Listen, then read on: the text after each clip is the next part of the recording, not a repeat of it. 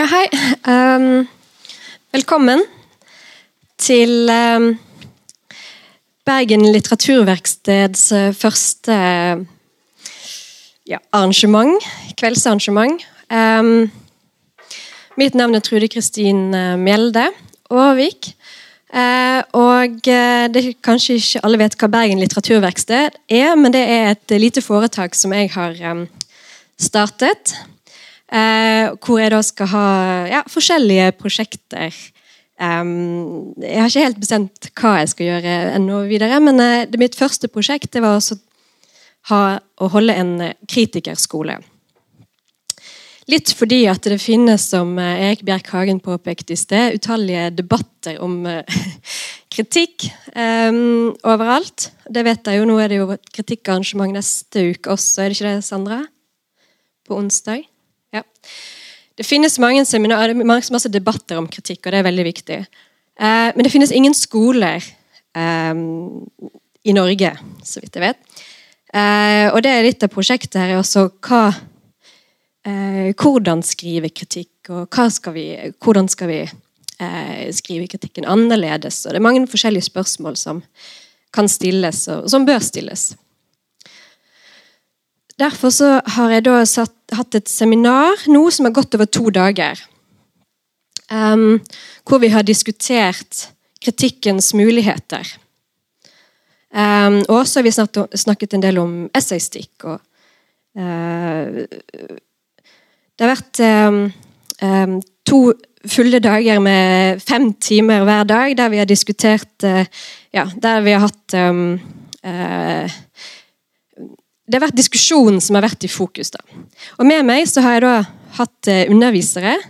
Og det er da den eneste som jeg kjenner og som vet om, som faktisk underviser i kritikk, Ida Lødemel Tvedt som underviser eh, i kritikk ved Columbia New School i New York. Eh, og så har jeg hatt med meg eh, Audun Lindholm, som er redaktør i Vagant, og som jobber veldig mye med folk som skriver kritikk, og som også skriver kritikk selv.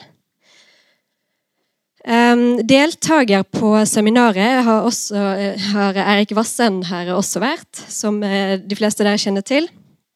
Um, som jobber på Universitetet i Bergen på nordisk. Um, og så har vi hatt åt, ni, ni deltakere.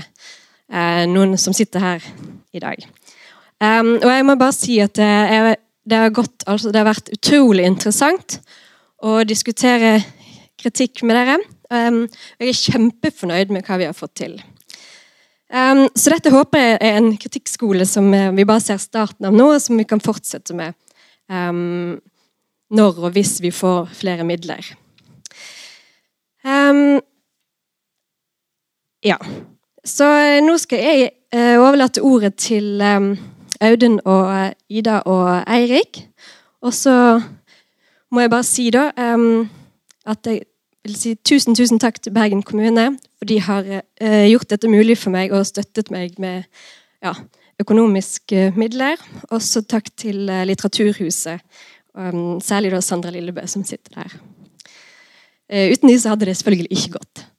Så ja, da gir jeg ordet til deg, Audun. Takk for det. Og takk, til, takk for invitasjonen til uh, dette nyskapende prosjektet, som har vært veldig morsomt å være med på.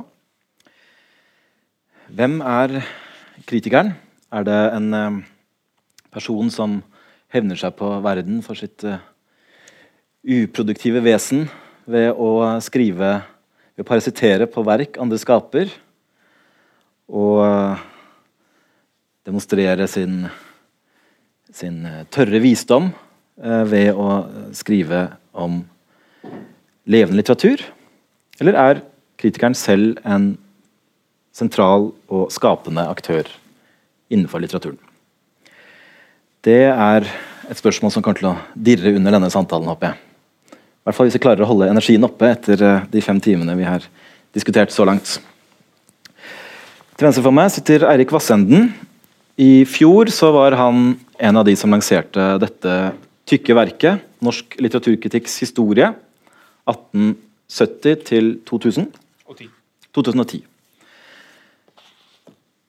Han var redaktør sammen med Sissel Furuseth og Jan Thon. Og dette er da eh, produktet av en, eh, et langvarig forskningsprosjekt hvor dere virkelig har saumfart arkivene og lest eh, aviser og tidsskrifter. Og noen har hørt seg gjennom radioprogrammer fra flere tiår. Og eh, man har altså fått et eget kritikkhistorisk verk. Dermed så kvalifiserer vel også du til, eh, til tittelen eh, kritikkhistoriker, som en av få blant oss. Sikkert. Et av de tilfellene du tar for deg i, i denne boka, det er mottakelsen av Hamsuns sult. Ofte når vi snakker om bøker og mottakelsen av dem, så, så får man inntrykk av at det kommer ut en bok, og så kommer det en respons. Men i hans tilfelle så var det ikke så enkelt. For utgivelsen av romanen den var forberedt gjennom lang tid. Gjennom uh, publiseringer av uh, utdrag. Det er, det er vel kjent. At det kom et Mm. utdrag i nyord før, uh, før romanen ble utgitt i sin helhet. Men det kom også en rekke andre tekster i forkant. Hva slags type tekster var det? Du skriver at Hamsun før sult var mest kjent som kritiker. Mm. Og, ja, det var han. I likhet med ganske mange andre av våre store eh, forfattere. Sant? Det er en slags, sånn, en slags sånn kjent modell, det der. Eh, eh, Welhaven slår seg opp som kritiker før, ved å angripe Vergeland.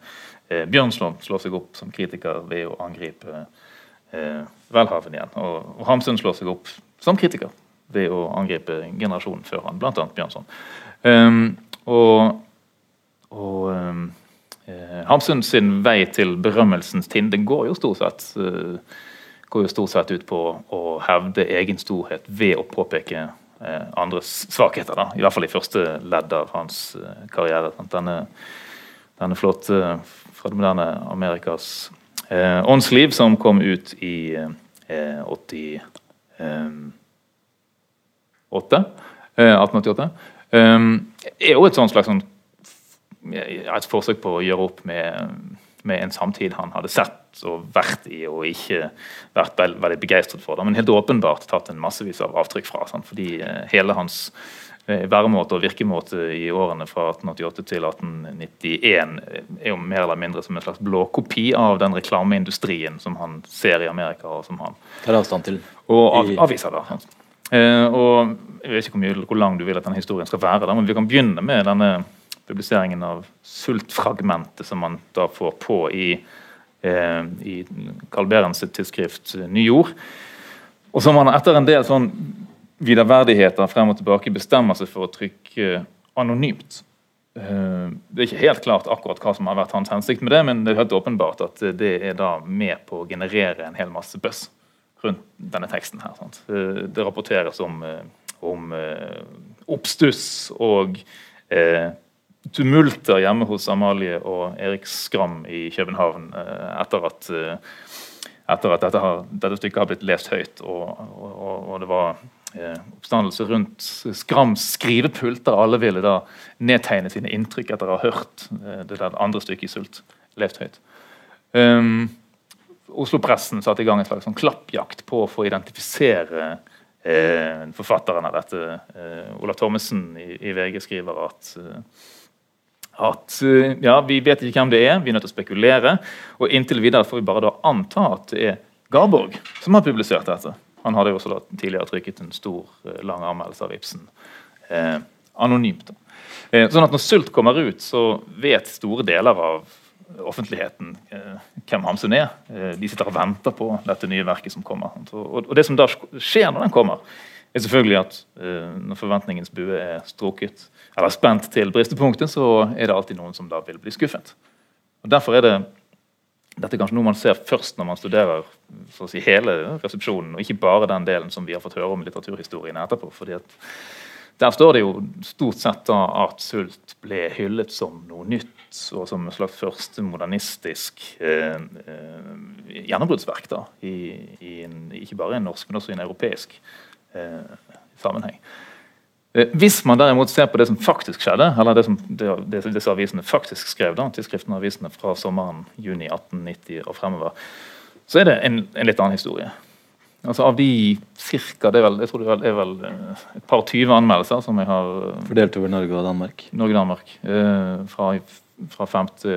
juni 1890 og til ut i, ut i, i oktober. Sist i oktober da kommer den siste anmeldelsen. Så er det omtrent sånn halvparten. halvveis. Halvparten sier at dette er, dette har ikke vi sett før. Dette er, er, er underlig og rart og viser oss en ny måte å skrive på. Um, bortimot halvparten sier dette dette er jo noe helt, uh, uh, noe helt annet enn vi hadde forventet oss. Vi hadde forventet oss noe basert på fragmentet som ble trykket.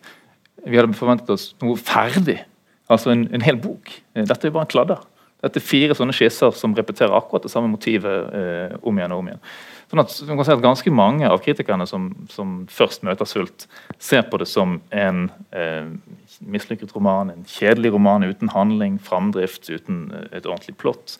Og ganske mange av de ser på det som ja, de, de, leser det med sin tids briller. Eh, og, og, og, tiden de leser i, er ja, det som er da i ettertiden kjent som eller som vi er vant til å i litteraturhistorisk sammenheng se på som naturalismens periode. Å lese om en naturalistisk roman, så må man jo si at 'Sult' er mislykket. da. Uh, den gjør ingenting av det en naturalistisk roman skal gjøre. og Dermed så vil også kritikerne som leser det sånn, måtte konkludere med at dette ikke funker. Men, men Hamsun hadde vel forberedt kritikerne på at det skulle komme noe radikalt nytt og annerledes? Han hadde delvis forberedt dem på at det kom noe nytt, eh, men åpenbart ikke godt nok, da, eh, etter hans egen målestokk. fordi det som da skjer når han reagerer, når han ser at kritikerne ikke fatter helt hva det er han er ute på, eh, så skriver han da dette berømte Sjelelivet, fra det ubevisste sjeleliv, som kommer på trykk i samtiden 1890, eh, altså mens boken hans da er under eh, omtale og anmeldelse. Og Det er helt åpenbart at eh, det Sjelelivet-essayet er ment som et forsøk på å, å korrigere kritikernes lesemåter. Altså, han utstyrer dem med et sett med lesenøkler som de kan bruke til å forstå dette verket, som han selvfølgelig mener at da representerer noe helt annet enn det de eh, har forutsetninger for å forstå. Altså, han, han leverer det korrekte kritiske vokabularet for å lese romanen? Ja, Begreper som man, han mener de trenger, som, som jo ikke fins i resepsjonen til da. Eh, andre steder enn hos hans gode venn Erik Skram, som hadde publisert en anmeldelse i Tilskueren, et dansk Tilskueren, eh, sommeren 1890, som Hamsun godt likte. De korresponderte jo om denne anmeldelsen både i forkant av at den sto på trykk, og i etterkant av at den sto på trykk. Og ikke minst i forkant av at den ble trykket i en ny og forbedret utgave i samme nummeret som Sjelelivet-essayet sto på trykk. Det var etter Hamsuns eh, innspill, korrigeringer, forslag til nye måter å beskrive hans eget verk på osv. Altså et, et nokså eklatant brudd på det vi i dag omtaler som eh, Eller det, det, som i vår tid blir eh, kalt eh, kritikerplakaten. Altså habilitetskjøreregler og den slags ting. Sånn at Hamsun ikke bare instruerer han kritikerne rundt seg, han instruerer også kritikerne i sin innerste krets da, og får de med så å si, på å utforme et slags, en slags ny leseinstruks. Så det vi ser her er jo et veldig sånn hva skal man si da, eh, omfattende eksempel på eh, dynamisk interaksjon mellom litteratur og kritikk. Det tar heller ikke mange månedene før han selv legger ut på en foredragsturné hvor han eh, holder et litteraturkritisk foredrag. Ja, Det er også tror jeg, en del av, eller bør kunne ses som en del av eller fortsettelse på denne resepsjonshistorien. fordi da da han ennå ikke får den type anmeldelser som han helst vil ha. Eh, når kritikerne ikke er i stand til å anerkjenne hva han har gjort som er nytt og helt originalt, så skriver han da en, en sånn trippelkronikk som han får på trykk i Dagbladet i slutten av november og begynnelsen av desember, der han eh, igjen hamrer inn dette poenget at norske kritikere er, kan ikke lese, de er ikke i stand til å gjenkjenne talent som risikerer noe ordentlig, de er ikke i stand til å gjenkjenne noen som gjør noe nytt. Så får han ingen respons på det, og så drar han til Bergen. da, i slutten av, ja, Han begynner i slutten av desember eller i midten av desember å planlegge dette bergensoppholdet sitt, som da er en sånn tretrinns foredragsrakett som man kanskje kjenner. Eh, det er der han da fyrer løs mot, mot uh, Bjørnson, Ibsen, Kielland, de forstokkete, kjedelige, stive, store eh, forfatterne i hans egen samtid. Altså, så Han får ikke den responsen på sin, på sin nye eh, skrivemåte, og, og må selv sånn, gå ut i felten da, for, å, for, å, nedkjempe de gamle. Også de gamle lesemåter. Jeg tror også det er en kamp for lesemåten han, han, holder på med. Så her har vi i hvert fall fått demonstrert at eh, kritikken er viktig for forfatterne. Ja, ja, både som verktøy og som si eh, mål på om man blir forstått. da. Om man blir forstått på den måten man vil. For det er jo helt åpenbart et mål for, for eh, den aggressive Hamsun. Han vil også bli skjønt. Gjenkjent og sett. Så det var kritikkhistoriker Vassenden. Og så har vi eh, Ida Lødemel Tvedt, som underviser i essaystikk ved The New School. Tidligere har du undervist ved Columbia, begge skoler i New York. Hva, hva slags essaystikk er du, du underviser i der, og hvordan foregår det? Det har, eh, det har endret seg etter hvert, så det har, det har vært noe i tre år snart. Begynte på var det, det, begynte, det begynte som et fag som handlet om samtidsessayistikk og, og, kulturkritikk. så hadde jeg litt sånn i parentes. Eh, så i, i, begynnelsen så handlet det mye om nye strømninger i amerikansk samtidsessayistikk, og da leste vi veldig mye veldig formeksperimentelle ting og sånne ting. Og så ble jeg mer, men så merket jeg at det ble mer og mer interessant for meg i hvert fall å snakke mer konkret om kulturkritikk med de på to forskjellige måter. Både som sånn tids- og åndkritikk-styr eh, og mer, mer, konkret anmelderiet. Og så um, utviklet det faget til et fag som het uh, Det esaistiske jeget. Eller kulturkritikk og det esaistiske jeget. Mens, men der òg følte jeg at ting ble litt for uh, det, det, det, som, det, som, faget ble mer og mer for meg, var sånn, et fag i hvor min oppgave var å gjøre de mindre og mindre kritiske. For det, eh, unge studenter på college i Amerika er fryktelig flinke til å være kritiske. De er veldig flinke til å si nei, de er veldig flinke til å finne feil, de er veldig flinke til å finne selvmotsigelsen i en tekst, men de er ikke så veldig flinke til å nærlese. og de er ikke så veldig flinke til... Eller dette tror jeg er kanskje typisk for for eh, alle når de begynner å skrive, at man, man har en veldig trang til å ha meninger. Eh, og, og, eh, og etablere sin autoritet via det.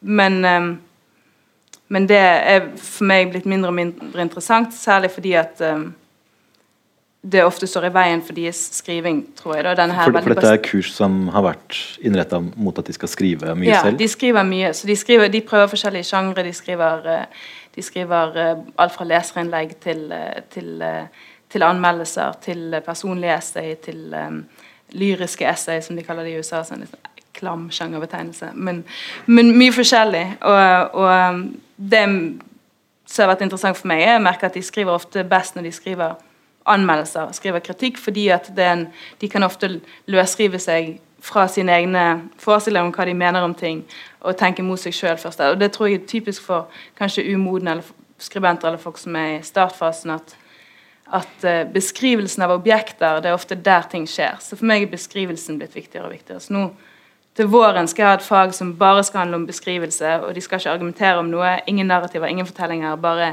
eh, uttømmende beskrivelser av kulturelle artefakter og objekter. Og da er vi jo nærme en anmeldelse. Mm, unntatt det der med at de ikke skal argumentere. da. Så det, det, er jo ikke så mange eh, anmeldelser som er helt uten argumenter. Men for meg, meg er det blitt mer og mer et sånn eh, Kanskje sånn litt et, et, et, um, et etisk spørsmål òg. Jeg føler Eller, det blir feil. Men at det blir mer og mer et um, Jeg merker at beskrivelsen er der det skjer, ofte. Og jeg tenker mye på det når jeg leser, når jeg leser kritikk og leser anmelderi, at ofte det er der det er der vi uh, kommer til kort. Hva, hva, skyldes det? Jeg vet ikke. Kanskje Nei, hva skyldes det? Fordi det er vanskelig. Det er veldig vanskelig å, å, se på en ting og prøve å forstå den sånn som den vil bli, stått, bli forstått. Og det er det Hamsun blir krakilsk over her. sikkert. At, at den, den, følelsen av at, av, at, av at, man blir parafrasert, eller at man blir gjengitt i en måte som ikke er sjenerøs nok mot objektet, det tror jeg er et kjennetegn ved dårlig kritikk. Men her har du også undervist i, i kritikk som en underkategori av essay, da? Ja. Og jeg er interessert i kritikk, i den, i kritikk som, som, eh, som, er essayistisk. Det har vært min, min interesse. Ikke at jeg mener at anmelderien nødvendigvis skal Det er ikke et standpunkt om hva jeg mener den bør gjøre, men det er en ting som eh, kritikken kan gjøre, og jeg syns det er ofte der de, de artige tingene skjer. Der hvor og da når jeg tenker på essayistikk, så tenker jeg på eh, et, på det som som en sjanger som handler om forsøk, som handler om eh, det ustabile, som handler om eh, at den som skriver, sitter seg i en posisjon som er usikker, og at den som skriver, vier seg, sin oppmerksomhet til ting som de ikke helt vet hva de skal gjøre med, som de ikke vet akkurat hva de mener om, og som, som, eh, som er, virker destabiliserende på et eller annet vis. Men er ikke det tilfellet for alle nye verk som aldri er lest før? Som man ikke aner hva andre autoriteter eh, synes om? Nei, det tror jeg ikke. Jeg tror vi møter veldig mange ting med veldig klare forestillinger om hva, hva det er. Og at, eh, at, det egentlig er ganske langt mellom de tingene som vi setter oss ned og kjenner på eh, at, eh, at, at vi, Det er veldig sjeldent egentlig at vi eh, setter oss ned med en ting og, og, ikke vet helt hva man skal gjøre med den, og virkelig sitter i den, i den usikkerheten og skriver den ut. Det tror jeg ikke er noe som faller noen så veldig naturlig. Det tror jeg virkelig er noe som må øves på, og som må tenkes over. Og man må tenke over hva, den, hva, den, eh, hva som skal til for å kunne stå i den usikkerheten en stund, og ikke, og ikke hoppe, hoppe, over den uh, usikre fasen av en leseropplevelse, f.eks. Er det usikkerheten eller skråsikkerheten som kjennetegner eh, norsk litteraturkritikk? Erik, i forrige århundre? Ja, Det kan du si. Nei, altså, det, det er klart at den, den forutinntattheten eller forestillingen om hva det er man møter her, de er så utrolig sterke. En, en, en, roman som handler om, fyr, om, en fyr som lever ved sultegrensen i Kristiania, eh, som kommer ut i 1890, det er klart at det er en naturalistisk roman. Det er nødt til å være det. Sant? Sånn at Forutsetningene for de kritikerne som møter sult, eh, de klarer de. Og så for veldig mange av de så, så er det en da eh, bommer den på den treffer ikke på noen av målene. Den gjør ingenting av det som en naturalistisk roman skal gjøre. Mm. Og Det tror jeg, tror jeg er veldig, vanskelig, veldig vanlig. Altså, rett og slett At man har mer eller mindre eh, hva skal man si, utformet, men veldig ofte ubevisst sett av forventninger til, til hva man møter. Eh, og jeg tror igjen det er, ganske, det er en ganske kostbar prosess å kvitte seg med disse. Å bli sittende og kjenne på den usikkerheten eh, som, som, man jo tross alt eh, bør i hvert fall være i kontakt med da, når man anmelder en, en, ulest bok. For det er det man gjør når man leser en bok. Som, dette er et begrepspar som eh, et, et, et, eller et, begrep som Per Thomas Andersen, eh, litteraturhistoriker, eh, opererte med på slutten av 80-tallet. Den allerede leste boken. Og det, det, er jo det vi ofte beskjeftiger oss med når vi leser ting som vi allerede, som allerede har en resepsjon. Men Eh, og den, Det er ganske trygt. Da kan vi alltid søke tilflukt i andres lesninger og andres vurderinger og, og, og hente noe der. Mens den uleste boken, den, ikke, den ennå ikke leste boken, eh, den krever jo noe helt annet. Eh, men, Men det er vel ikke trygt å hevde en klar oppfatning om en bok? Kan ikke det tvert imot være ganske risikabelt, når du ikke har noen å, noe eller noen å lene deg på? Jo, jo, jo. Det, det, og det er selvfølgelig det er en del av det. Sant? Man må jo på en måte hva skal Man si, man møter jo boken med de forventningene, forutforståelsene, fordommene man, man til enhver tid har. Eh, vanskelig å kvitte seg med det. Eh, og så må man jo stole på at det holder. da. Eh, det, det, er alltid en viss risiko involvert når man kaster ut noe. Men, men jeg tenker nok at egentlig at, at her har vel kritikken eh, og det, det, må jeg si, i alle fall min egen kritikk også, den, den er jo trygghetssøkende på et vis. Sant? Det å stille til skue den der eh, den, den, veldig klare vurderingen mm, det kan, kan, være, kan, være, vanskelig. Særlig hvis man ikke vet hva man skal relatere det til. og ikke har noe å sammenligne det med. Kritikeren har jo tradisjonelt vært en kulturell autoritet. Mm. Um, hva er autoritet for en størrelse i, i, i de essayene du er mest opptatt av, Ida? At de ikke har, kan, at de ikke nødvendigvis kommer inn i det med en autoritet. Jeg er ikke, jeg er ikke litteraturviter og jeg er ikke noen veldig aktiv anmelder. eller noe. Så det, men Er du antiautoritær i din kritikkforståelse? Jeg, ikke av uh, oppfatning, men av temperament, kanskje. Men ikke sånn uh, men, Nei.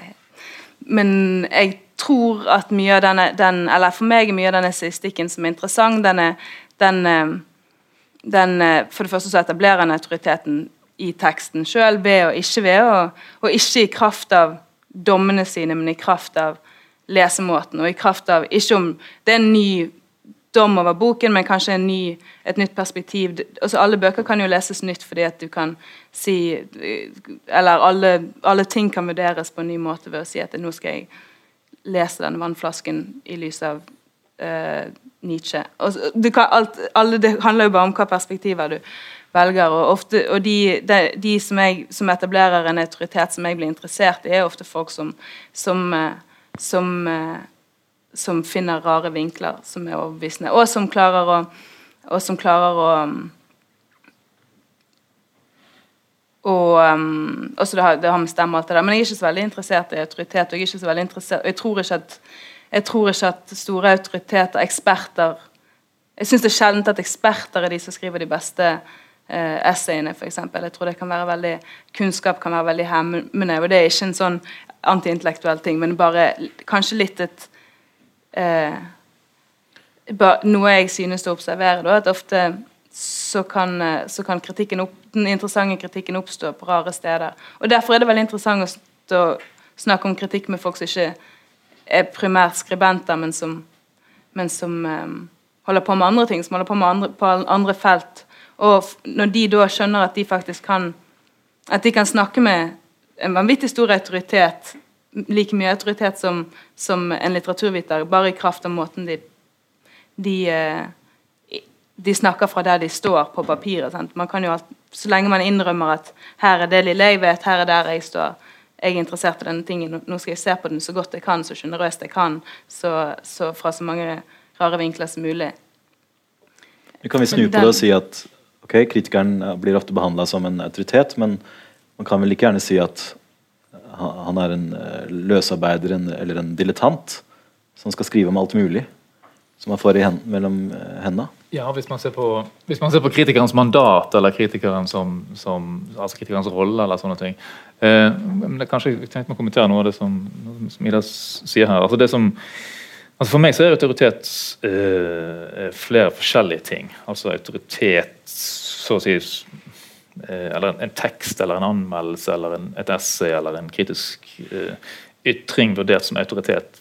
For, tror nok at jeg har et litt uh, mer sånn splittet forhold til det uh, enn det du, du, beskriver. For På den ene siden så kan jeg ha altså jeg, jeg synes at tekster som eller kritikktekster som, som fremstår med de der nye blikkene eller nye skrivemåter, eller som, som prøver seg på helt, helt uh, rare, uh, annerledes uh, ting. Som tester ut grenser, eller, eller går langt over de, eller, eller, eller forakter de åpenlyst.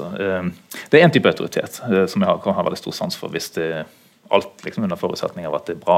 da, godt gjort og sånt. Men på den andre siden så har jeg også veldig stor respekt for den type kritikk som opererer innenfor eh, altså kunnskapens og tradisjonens og sånn, den klassiske eh, altså innenfor, innenfor, de klassiske sjangerrammene. da, altså Sjangermestring er en type autoritet som jeg også har, har veldig stor respekt for. og som Jeg tror vi må anerkjenne at, eh, at, eh, at altså ypperlig kritikk kommer i alle former, men jeg tror de ytterpunktene der tiltaler meg mer, mer enn den sausen i midten, som de mm. fleste av oss oppholder oss i, dessverre meg sjøl også. Enig i det. Altså, men, det, men det, det, er jo ikke, jeg mente ikke sånn at uh, ekspertene aldri skriver bra ting, men at de ikke skriver best når de, når de skriver i kraft av sin ekspertise. Altså, det, det, er noe annet som foregår når det er veldig bra. Altså, tekst som, for det første så, så altså, det, han, det, handler ikke om uh, jeg, tror ikke, jeg tror ikke kunnskapen i seg sjøl det, kan ikke redde noe. altså det ikke det er, det, det er, ikke der det, skjer. Det skjer i formen, det skjer i tonen, det skjer i stemmen. Det skjer i og det skjer i sensibiliteten. Mm. Ja, altså, det, altså, det, er ingenting som kan erstatte det å ha en sånn særegen forståelse for hva det er som mm. er, er på, på ferdig i et verk. Mm. Jeg tror det jeg mener er, jeg det jeg mener er at, um, at, um, at uh, det som er fint med kritikken og essayistikken og den, måte, den offentlige versjonen av samtaler som gjerne ellers skjer på universiteter, eller noe sånt, er at at i de lukkede institusjonene så vil, så vil f.eks. det lettvekteriet bli et problem. Eller, altså, det, man kan få en følelse på universitetet for eksempel, som et eksempel på dette, at alle sitter rundt og beskylder alle andre for å være lettvektere, mens de selv er redd for å bli avslørt som bedragere. og sånn. Mens, mens, eh, mens, alle de tingene da på en måte blir snudd til ressurser. når med en gang kommer, det kommer ut i det offentlige rommet, hvor, man, hvor og i essayistikken som er det jeg er mest interessert i, at der blir lettvekteriet og bedrageriet plutselig en fordel. Eller, eller det, man kan spille det kortet, man kan bruke det, og man kan, man kan uh, få en pause fra den, der, den den på en måte engstelige stemningen som er mer sånn eh, i, i miljøer som, hvor, hvor, det er kunnskapen som er på en måte det som står i midten, og det som gir autoritet. Så det er mer det jeg mener at det er ikke, det, det er ikke sånn, det er ikke, det er ikke antiautoritært eller antiintellektuelt, det er bare det det skjer noe når eh, når uh, lettvekteren ruler. nå, nå, brukte du ordet samtale, Ida. Og det er vel sånn at kritikken er ikke bare en, et redskap for å hjelpe oss å forstå et verk bedre, men det er også en deltaker i en, eh, i en samtale eller, eller, i en litterær situasjon, som Hamsun-eksempelet viser oss. At han, eh, han, griper inn i situasjonen og prøver å forme um, andres uh, forståelsesmåter på en langt mer vidtgripende måte enn en ren anmeldelse. Er det, er det en funksjon man ofte ser at kritikk her? Den har jo alltid det, på et eller annet vis. Om den vet eller ikke, så går den jo inn i en samtale som allerede er der. Og, den, og, og ofte så er den kanskje vellykket når den er når den er seg bevisst at den går inn i en samtale som den for det første ikke har helt oversikt over, og, og som den ikke kommer til å få det siste ordet i. Jeg, og, at, og, at, og, det trenger jo ikke være eksplisitt til stede, men, men, men, men, tekster hvor du får en følelse av at, av at den som skriver prøver å gå inn og bare og kaste, og kaste ball og si liksom, her er mitt bidrag til en ting som jeg ikke som jeg aldri vil kunne få oversikt over verken hvor det begynte eller hvor det sluttet. Det tror jeg, det tror jeg er måten jeg tenker på den store samtalen, eller hva det måtte være. I kritikkhistorieverket så poengterer dere Eirik, at um, essays helst bør leses i sin opprinnelige sammenheng. Mm. En avis eller tidsskrift. Helst ikke ikke samlehit i bokform. Hva er grunnen til det? I alle fall at det er en ganske at, at, at, ikke det må, da, men at, eh, men at, det er et ganske stort poeng å, å, gjøre det. Og at det er ganske mye som går tapt eh, hvis man si, røsker en tekst ut av, eh, ut av sammenhengen.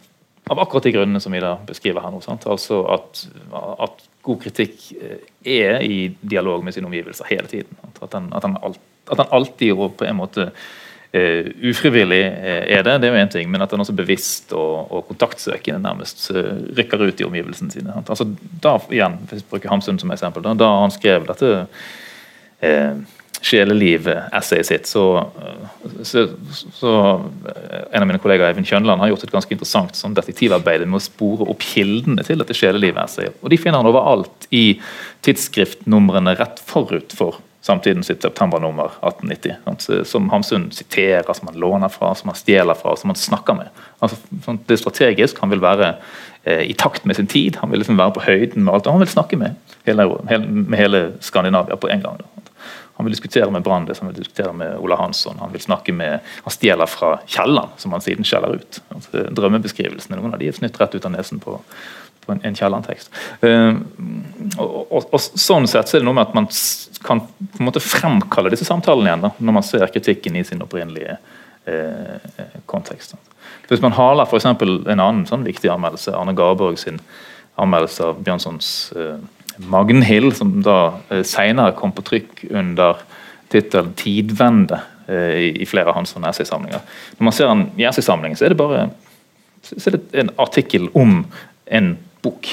Eh, men når man ser den i samtiden, så er den en del av hans eh, den sto i Fedreheimen, det er en del av hans eh, ganske langsomme og slitsomme løsrivelsesprosess ifra et sånt vestnorsk kristenmiljø som hadde sponset tidsskriftet hans, Fedreheimen, og som han ikke orket å, å oppføre seg pent overfor. Og så bruker han da bl.a. Eh, Bjørnson sin egen religiøse hva skal man si da, eh, omvending til ateisme og darwinisme, som Bjørnson selv kalte det. Som en slags sånn anstøtstein som man sparker fra på. Det forsvinner, eller Noe av det forsvinner når man rykker den ut og bare ser den i en sånn så, så, så den, den, dialogen som kritikken alltid eh, går inn i, eh, og som den går inn i sånn åpent og, og, nysgjerrig og interessert, eh, den kan vi lukke igjen. Hvis vi også lar være å ta hensyn til den historiske konteksten.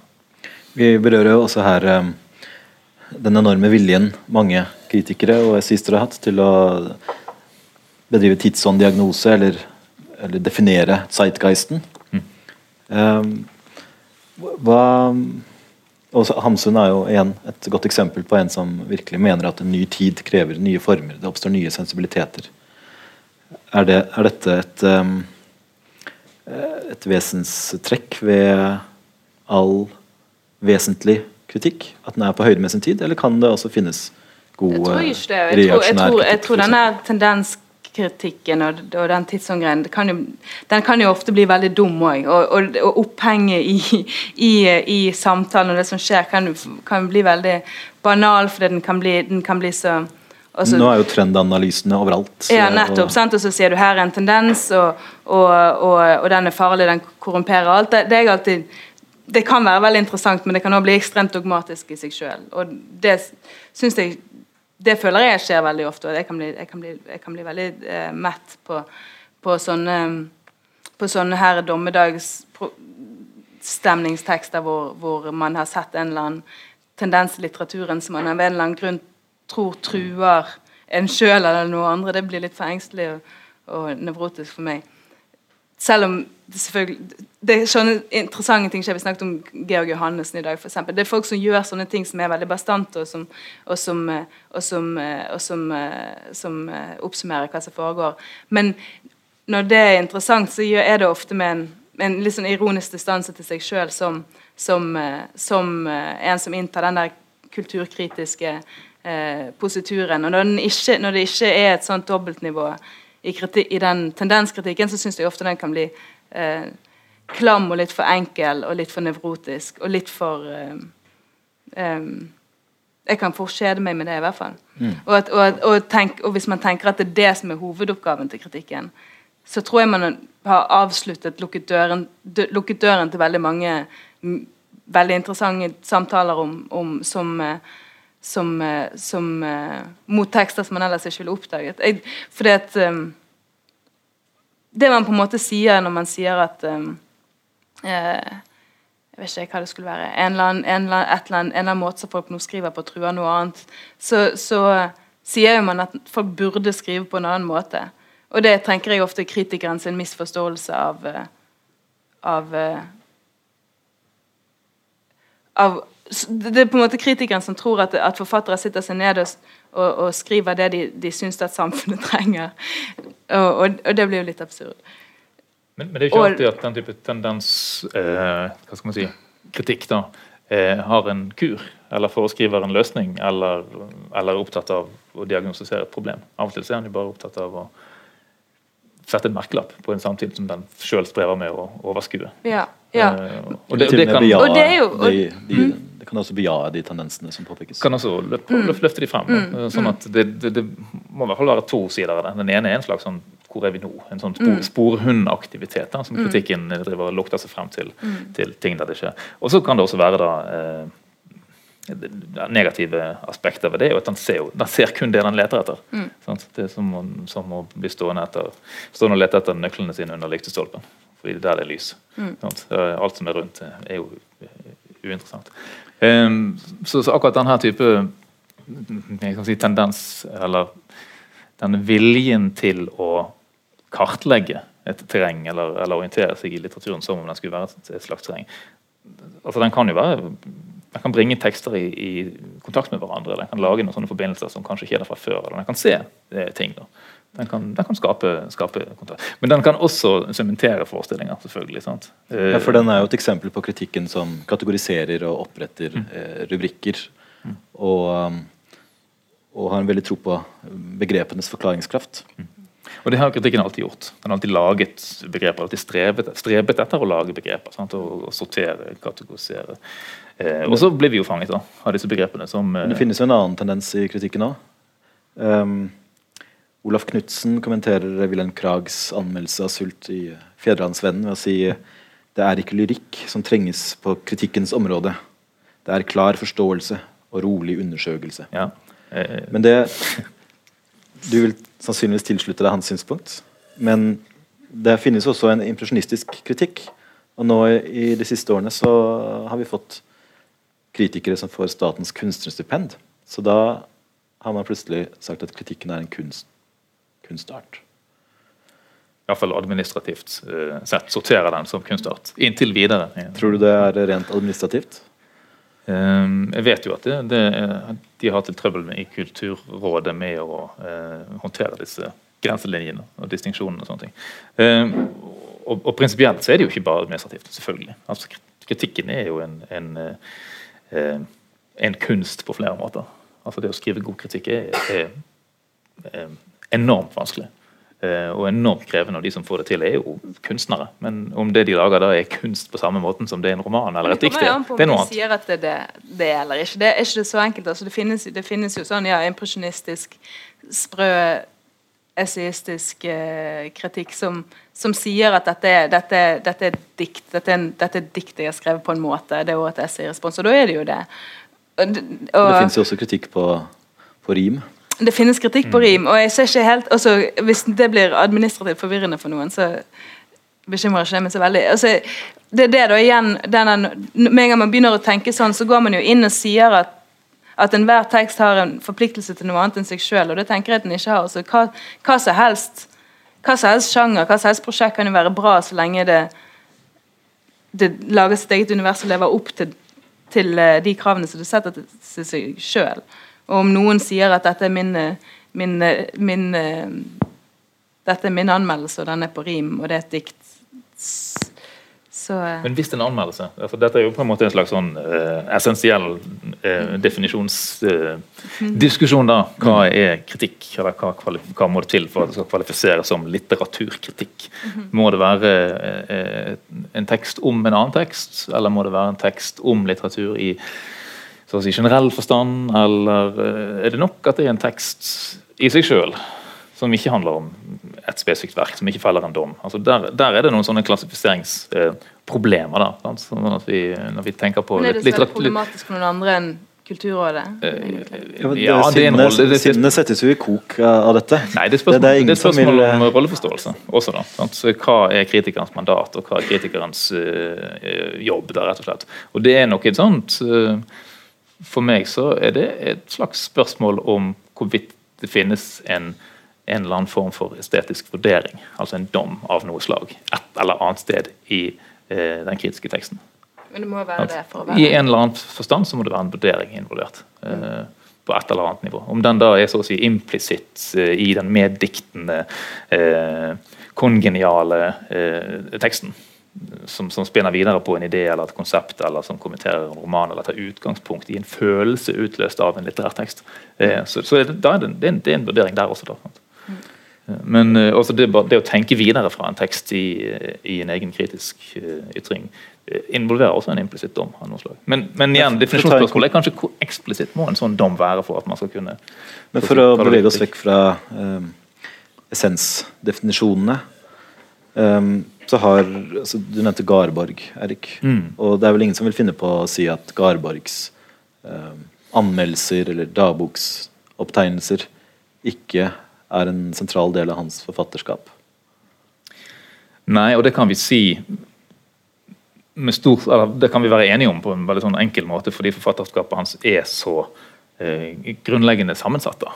Altså, En ting er jo kritikken. Han også begynner da med kritikken. Eh, og noe annet da i romanene hans og diktene hans og eh, den mer sånn rene essayistikken hans, brevene hans, hans uh, tusenvis av konsulentuttalelser, offisielle og uoffisielle konsulentuttalelser. Og, og, I det hele tatt så er det så, det er så heterogent, da, alt dette dagbøk, dagbøker. og, og, og, i det hele tatt. Sånn at Der kan vi lett se og Det spenner over så stort tidsrom, også fra han debuterer uh, tidlig på 70-tallet til han legger ned, altså Det første han skriver på trykk, er en anmeldelse i 1873, og det siste han skriver før han dør, en uke før, er en anmeldelse. Så Han er liksom kritiker fra begynnelse til slutt. Eh, og, og eh, Hos han så, så alt, inngår alt dette i en sånn enestående og, og utrolig eh, sammensatt produksjon.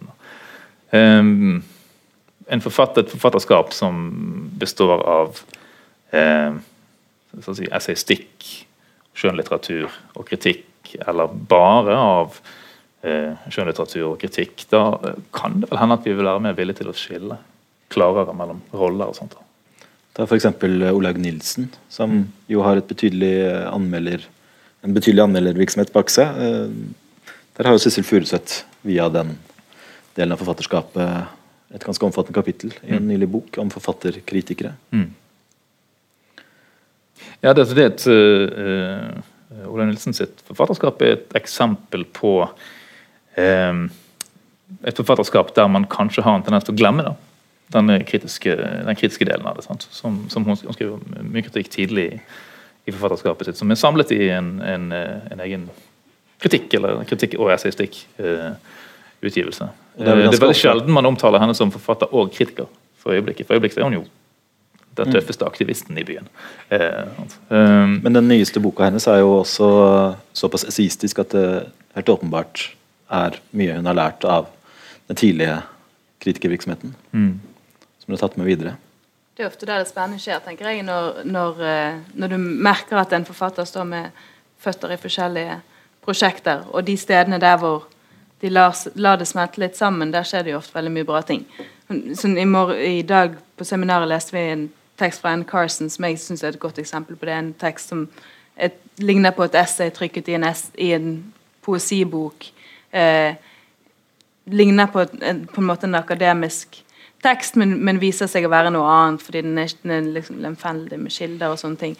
Også mener, hvor, hvor, hvor hun hvor hun kommenterer både sitt akademiske arbeid og sitt poetiske arbeid indirekte i en tekst som, som har en sånn halvfiktivt eh, halvfiktiv tilnærming, men som handler om Og som òg er en, en, eh, en, slags poetikk, en slags, ut, en slags eh, Hun har da en slags forestilling om hva, hvordan, hva, hva En slags forestilling om offentligheten som kommer fram og en forestilling om hva litteraturen bør gjøre, som kommer fram. Nett, og det viser hun ved måten hun hopper mellom disse sjangrene som hun mestrer. Og lar de på en måte knekke hverandre.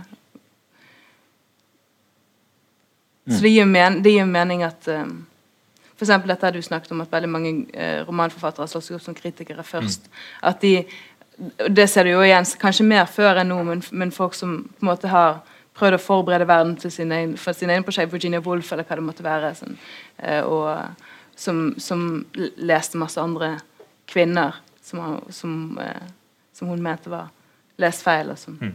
prøvde å vise lære verden å lese hun.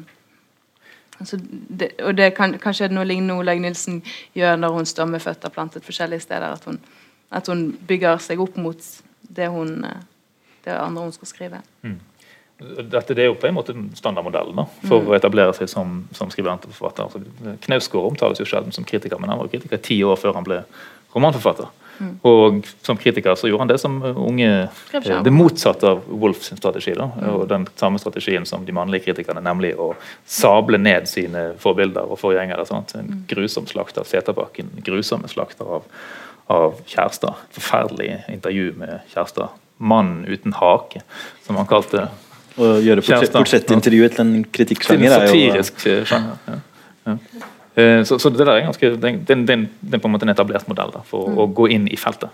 Eh, Men En sak er å kritisere forgjengere og de som dominerer feltet. Men uh, en kritiker har jo så ofte et kulturkritisk siktemål. altså en, Man vil forandre noe større enn en litteraturforståelsen. Er det Eh, det, det, aspektet forsvinner kanskje litt i mye uh, aviskritikk.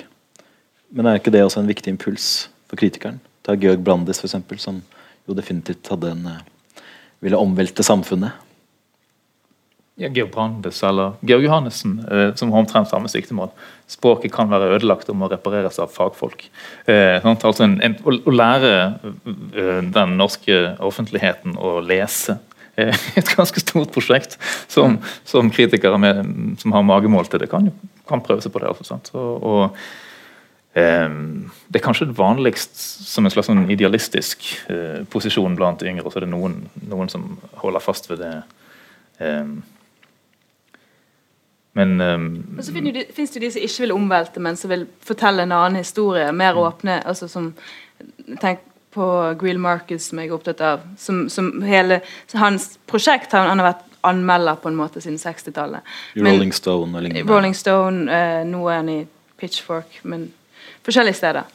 Newsweek. Men, men han um, Hans han har alltid skrevet anmeldelser. virkelig Mye av det har vært ikke ambisiøse stikk i sånn, sånn som vi tenker på. Det er ikke sånn her eh, New York Review of Books, her leser vi fire forskjellige ting, og så, og så diagnostiserer vi noe gjennom alle de tingene. Ikke sånn, men veldig ganske sånn små, konkrete meditasjoner om, på en sang, et nytt kulturelt objekt, eller noe sånt. Mens prosjektet hele veien har vært å, å tegne en sånn, å lage en alternativ fortelling for Amerika. Her finnes, Han sier alltid liksom, det finnes et Amerika som ikke finnes på kartet.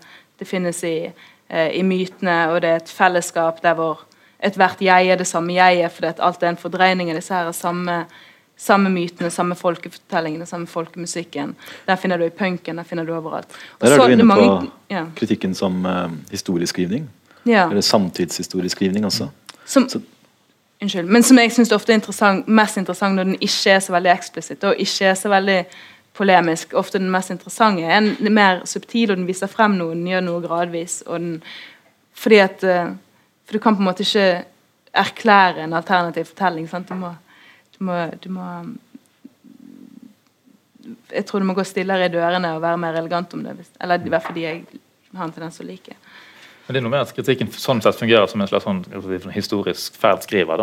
Den, den hele tiden registrerer små justeringer. Og så er det vel også dessverre sånn at ettertiden husker de store jordskjelvene bedre enn de små rystelsene.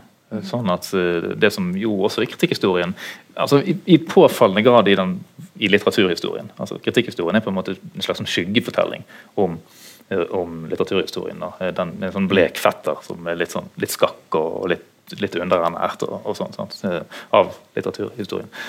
Eh, Men i litteraturhistorien så er det i påfallende grad liksom de paradigmatiske øyeblikkene man ser. Det er liksom der ting endrer seg, eller der noe nytt kommer inn. Hamsun er et sånt, eksempel. Plutselig så, det, så, ser, så forandres alt på et øyeblikk. Og så ser man i kritikk, leser man konteksten og, og spoler tilbake litt, og så ser man at det var jo ikke sånn det var. Det tok ganske mye overtalelse fra hans side for å komme til et punkt der man kunne snakke om at en lesemåte ble, ble forkastet, eller lesemåte ble etablert på ny.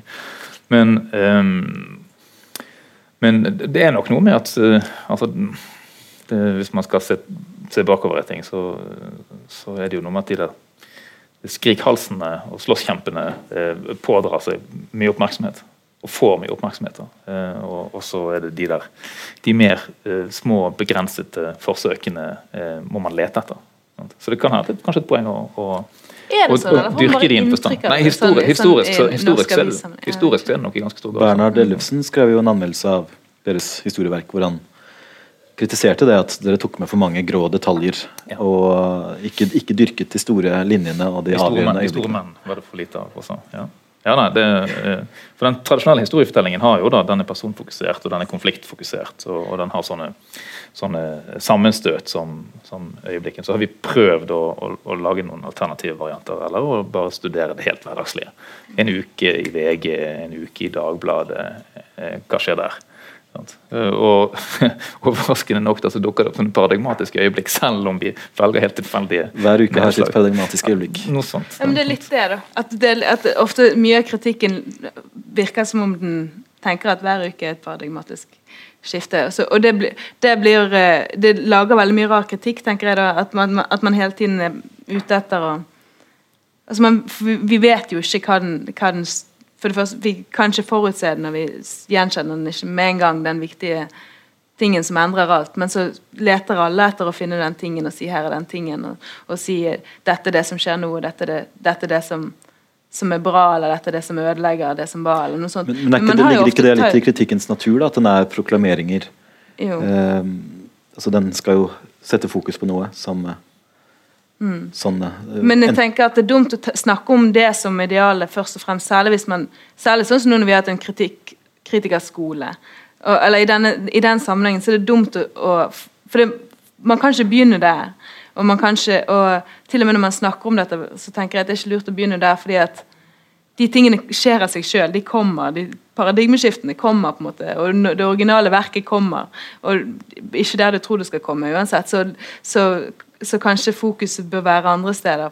Kanskje fokuset bør være på eh, mer nærsynt og mer eh, mer, eh, mer, mer zoomet inn og min, mer, mindre ute etter de lange linjene hele tiden. For vi tar som regel feil.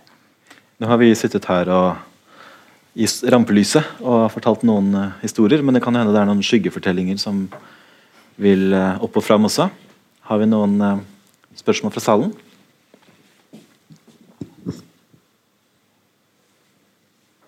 Hallo? Nå har vi diskutert eh, kritikk her i elleve timer. Er det noen eh, Vi gir oss ikke ennå. Og vi fortsetter eh, etterpå også eh, over noen øl. Um, er det noen som har noen kommentarer eller spørsmål eller lurer på hva vi har gjort på den kritikerskolen? eh, for så vidt? Jeg har ett spørsmål til, eh, til Ida. Eh, som jeg synes kanskje eh, Og et av de mest interessante tingene vi diskuterte før i dag, men som du så vidt nevnte, det er forskjellen mellom dom og beskrivelse. Du sa noe om det du syns var mest de mest interessante kritikkene eller essayene.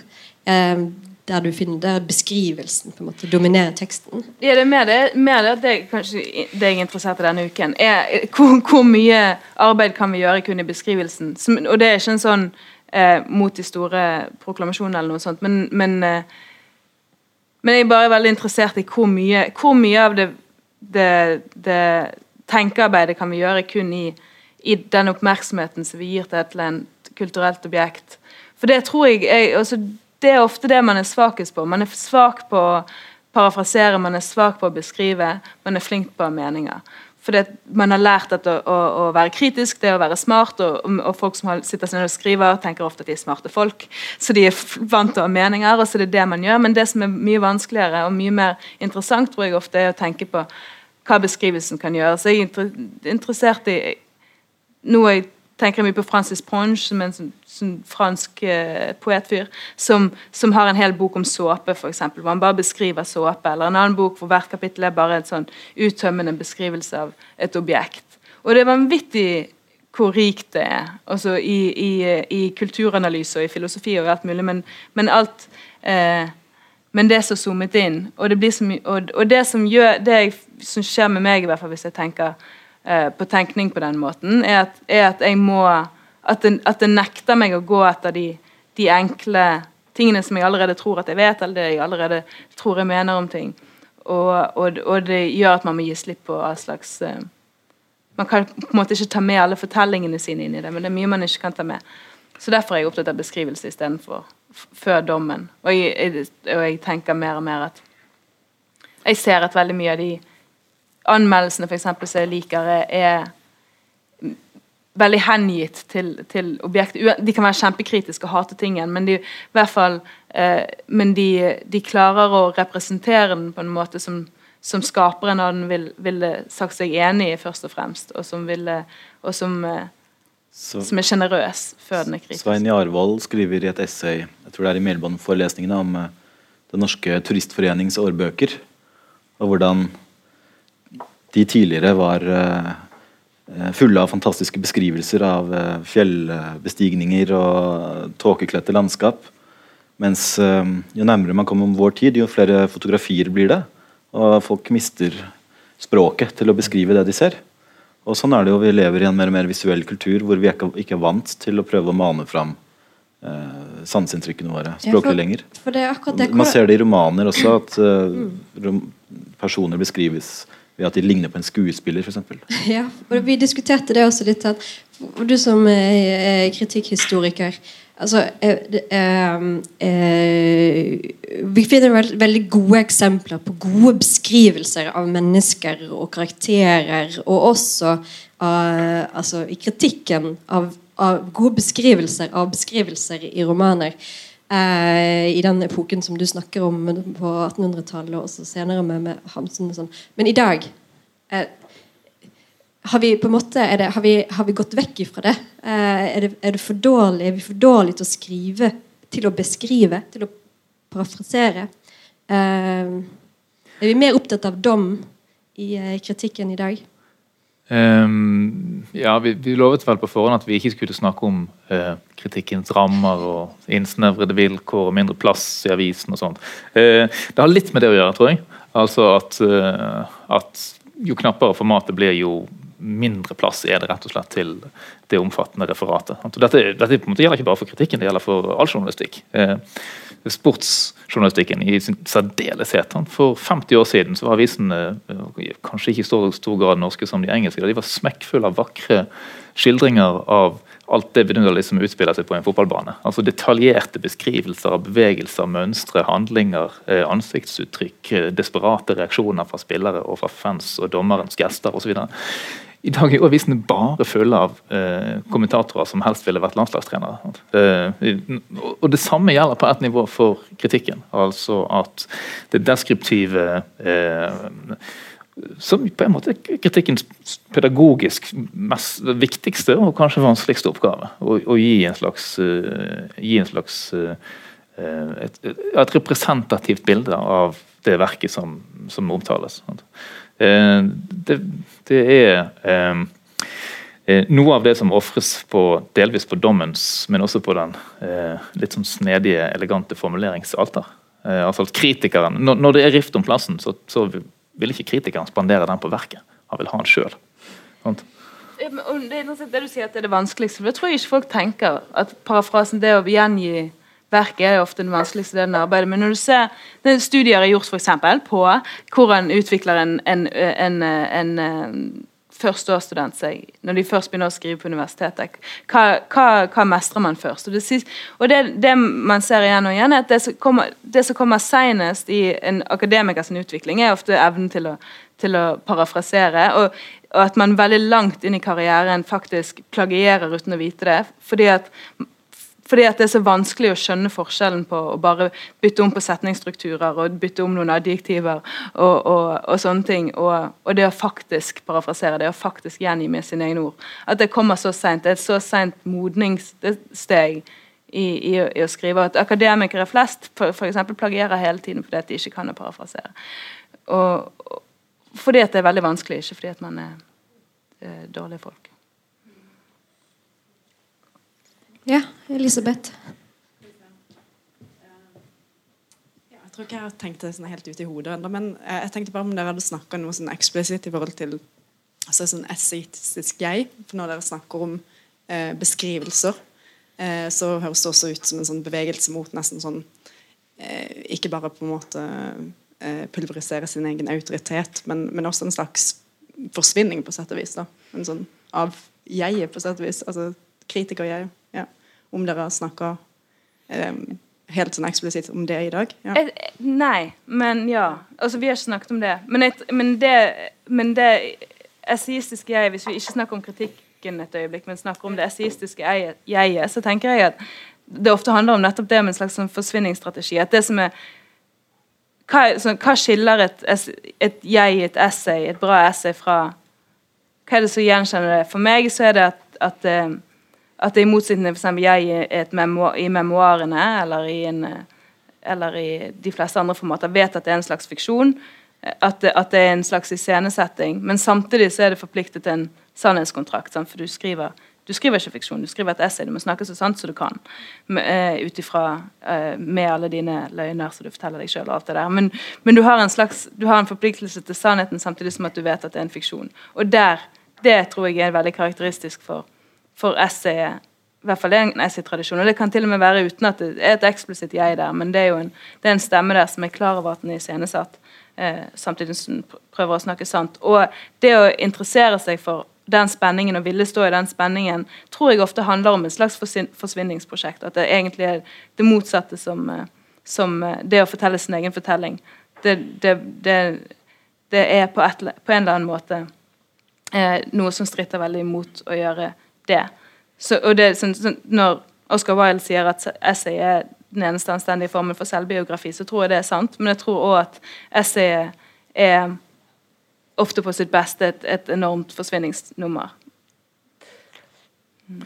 Men, men, en annen ting er jo at uh, hvis jeg forsto spørsmålet litt riktig, da, uh, altså at altså, kritikeren gir opp seg sjøl når han gir seg hen til å beskrive verket. Var det noe sånt du var ute etter, eller? For, for, for, ja, nei, for det er akkurat det som akkurat denne, at kritikeren vil ikke beskrive fordi han vil heller mene. Eh, bygger på en slags misforståelse. For jeg tenker at det, Selvfølgelig så er man synlig og til stede når man sier 'jeg mener at denne boken er fullstendig mislykket', eller når man mener at dette er den beste boken som er skrevet i dette årtusen. Eh, sant? Da er man synlig og til stede. Men man, man er minst like synlig og til stede når man filtrerer et verk gjennom sitt eget blikk, og ikke minst gjennom sin egen penn. da. For Det er jo i skrivemåten og i stilen at jeg trer, tre ordentlig frem for oss. da. Mm. Men jeg tror det er ser sant jo, at man er ser det jo godt i hvordan øh, tradisjonen fra Porns er videreført. Så hans tingdikt som opprinnelig var en slags avstandstagen til den overdrevet lyriske og subjektive poesien, blir så videreført øh, hos øh, Ole Robert Sunde eller, øh, eller Knausgård i Norge. Og da, da er det så tydelig at det er bevisstheten som farger, farger observasjonen av objektet. Og assosiasjonsradiusen til tekstene tegner jo veldig tydelig konturen til, til de respektive forfatterne. Men, men grunnen til at tenkningen blir mer interessant der ofte, tror jeg, er at nettopp det at det er mer intimt, og at, det, og at jeg når det beskriver, er mye mer eh, truet av tingen, og at det gjør det, at det, gjør det mye mer eh, det, gjør, det gjør det til ofte de steder i teksten som har mye mer på gang, enn en der hvor eh, man sier 'jeg synes teksten er dårlig'. Jeg tror det. det er den utrygge kritiker som ikke tør å beskrive. Eller som ikke yeah. tør å parafrasere. Yeah. Yeah. Så mer parafrase. Ja, er det flere spørsmål? Nei? Vi har vel kanskje Vi har brukt opp tida. snakket oss eh, ferdig. ferdig. Ja, men da Tusen takk til Audun og Eirik og Ida for eh, at dere har eh, holdt ut med meg eh, oss å snakke om kritikk så lenge. Og takk for at dere deltok eh, her i kveld også. Og tusen takk for alle som kom på seminar, og tusen takk for alle som kom her i kveld og hørte på. Så nå kan vi jo fortsette et eller annet sted eller ta et par øl. Takk.